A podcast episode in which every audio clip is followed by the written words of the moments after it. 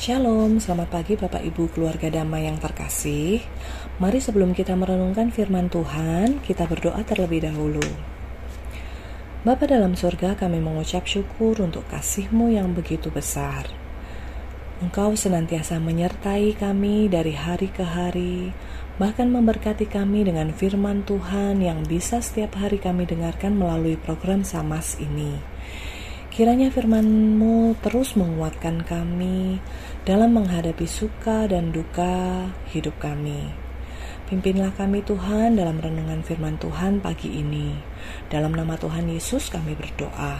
Amin. Sobat Samas, renungan kita pada hari ini Selasa 21 Maret 2023 terambil dari kitab Kolose 1 ayat 9 sampai 14 yang berbunyi demikian. Sebab itu, sejak kami mendengarnya, kami tiada henti-henti berdoa untuk kamu. Kami meminta supaya kamu menerima segala hikmat dan pengertian yang benar untuk mengetahui kehendak Tuhan yang sempurna, sehingga hidupmu layak di hadapannya serta berkenan kepadanya dalam segala hal, dan kamu memberi buah dalam segala pekerjaan yang baik dan bertumbuh dalam pengetahuan yang benar tentang Allah dan dikuatkan dalam segala kekuatan oleh kuasa kemuliaan untuk menanggung segala sesuatu dengan tekun dan sabar. Dan mengucap syukur dengan sukacita kepada Bapa yang melayakkan kamu untuk mendapatkan bagian dalam apa yang ditentukan untuk orang-orang kudus di dalam kerajaan terang. Ia telah melepaskan kita dari kuasa kegelapan dan memindahkan kita ke dalam kerajaan anaknya yang kekasih. Di dalam dia kita memiliki penebusan kita yaitu pengampunan dosa. Bapak Ibu yang terkasih dalam Kristus, dalam bacaan kita hari ini, ini adalah bagian sebagian dari surat Rasul Paulus kepada jemaat di Kolose. Dalam perikop ini saya membaginya dalam empat hal yang harus kita pelajari, yang harus kita lakukan. Yang pertama, bahwa sebagai umat yang telah diselamatkan oleh Kristus, hendaknya kita memiliki hikmat dan pengertian yang benar di mana hikmat dan pengertian yang benar itu kita bisa dapatkan melalui firman Tuhan sebagai makanan bagi jiwa kita. Kita butuh mengkonsumsinya secara rutin setiap hari untuk pertumbuhan iman kita. Bagaimana kita bisa mengetahui kehendak Tuhan jika bukan dari membaca dan mendengar firman-Nya? Firman-Nya yang menolong kita menuntun kita dalam menjalani hidup ini. Setiap hari kita diperhadapkan dengan segala hal yang membutuhkan keputusan-keputusan, baik itu keputusan yang kecil maupun keputusan dalam hal besar. Di situlah kita membutuhkan hikmat Tuhan, sehingga kita tidak salah dalam mengambil keputusan, kita tidak salah dalam melangkah.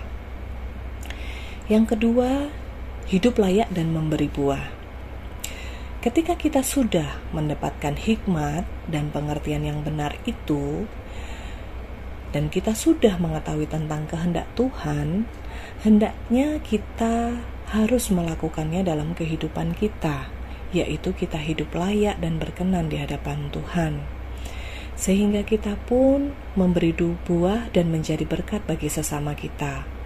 Sebab dikatakan dalam Yakobus 2 ayat 26b, Iman tanpa perbuatan, perbuatan adalah mati.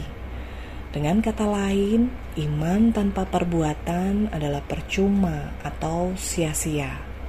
Oleh karena itu, Tuhan menghendaki bahwa kita wajib melakukan apa yang difirmankannya melalui perbuatan-perbuatan kita. Yang ketiga adalah tekun dan sabar. Firman Tuhan yang kita hidupi akan memberikan kita kekuatan untuk menanggung segala sesuatu yang kita hadapi dalam hidup. Dalam hidup ini, tidak selalu yang terjadi adalah hal-hal yang baik, yang selalu mulus. Tidak selalu semuanya itu sesuai dengan apa yang kita mau. Namun terkadang hal-hal yang terjadi adalah hal-hal yang tidak mengenakan, hal-hal yang mengecewakan, bahkan hal-hal yang menyakitkan. Namun, bagaimana sikap kita untuk menghadapinya? Di sinilah kita selalu ingat bahwa kita punya Tuhan Yesus yang selalu diandalkan, yang selalu memberikan kita kekuatan Mari kita selalu melibatkan Tuhan dalam segala jalan yang akan kita tempuh. Oleh karena itu, firman Tuhan ini mengingatkan bahwa kita harus selalu tekun dan selalu sabar. Hal yang keempat, mengucap syukur dengan sukacita. Kita sebagai umat yang telah dilayakkan mendapat bagian dalam kerajaannya, kita umat yang telah dilepaskan dari kuasa kegelapan, dipindahkan ke dalam kerajaan anaknya. Di dalam kita, di dalam dia kita telah menerima penebusan, yaitu pengampunan dosa. Sehingga kita yang seharusnya binasa oleh dosa-dosa kita, kita telah memiliki hidup yang kekal.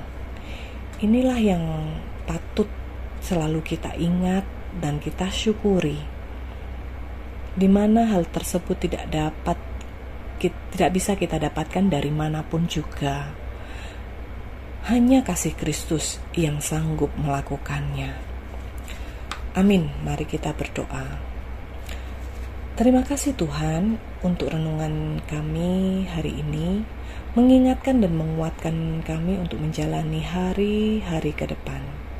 Kami sungguh bersyukur menjadi umat pilihan Tuhan yang menerima anugerah keselamatan dengan cuma-cuma.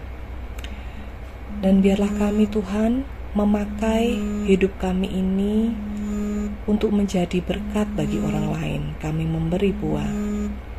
Ampuni segala dosa dan kesalahan kami ya Tuhan dan berkati kami sepanjang hari ini. Kami mohon pimpinan Roh Kudus-Mu untuk menyertai kehidupan kami. Dalam nama Tuhan Yesus kami berdoa. Amin. Sobat Samas, kita sudah diselamatkan. Mari kita memberi buah, jadi berkat bagi sesama kita. Selamat beraktivitas, Tuhan memberkati kita semua.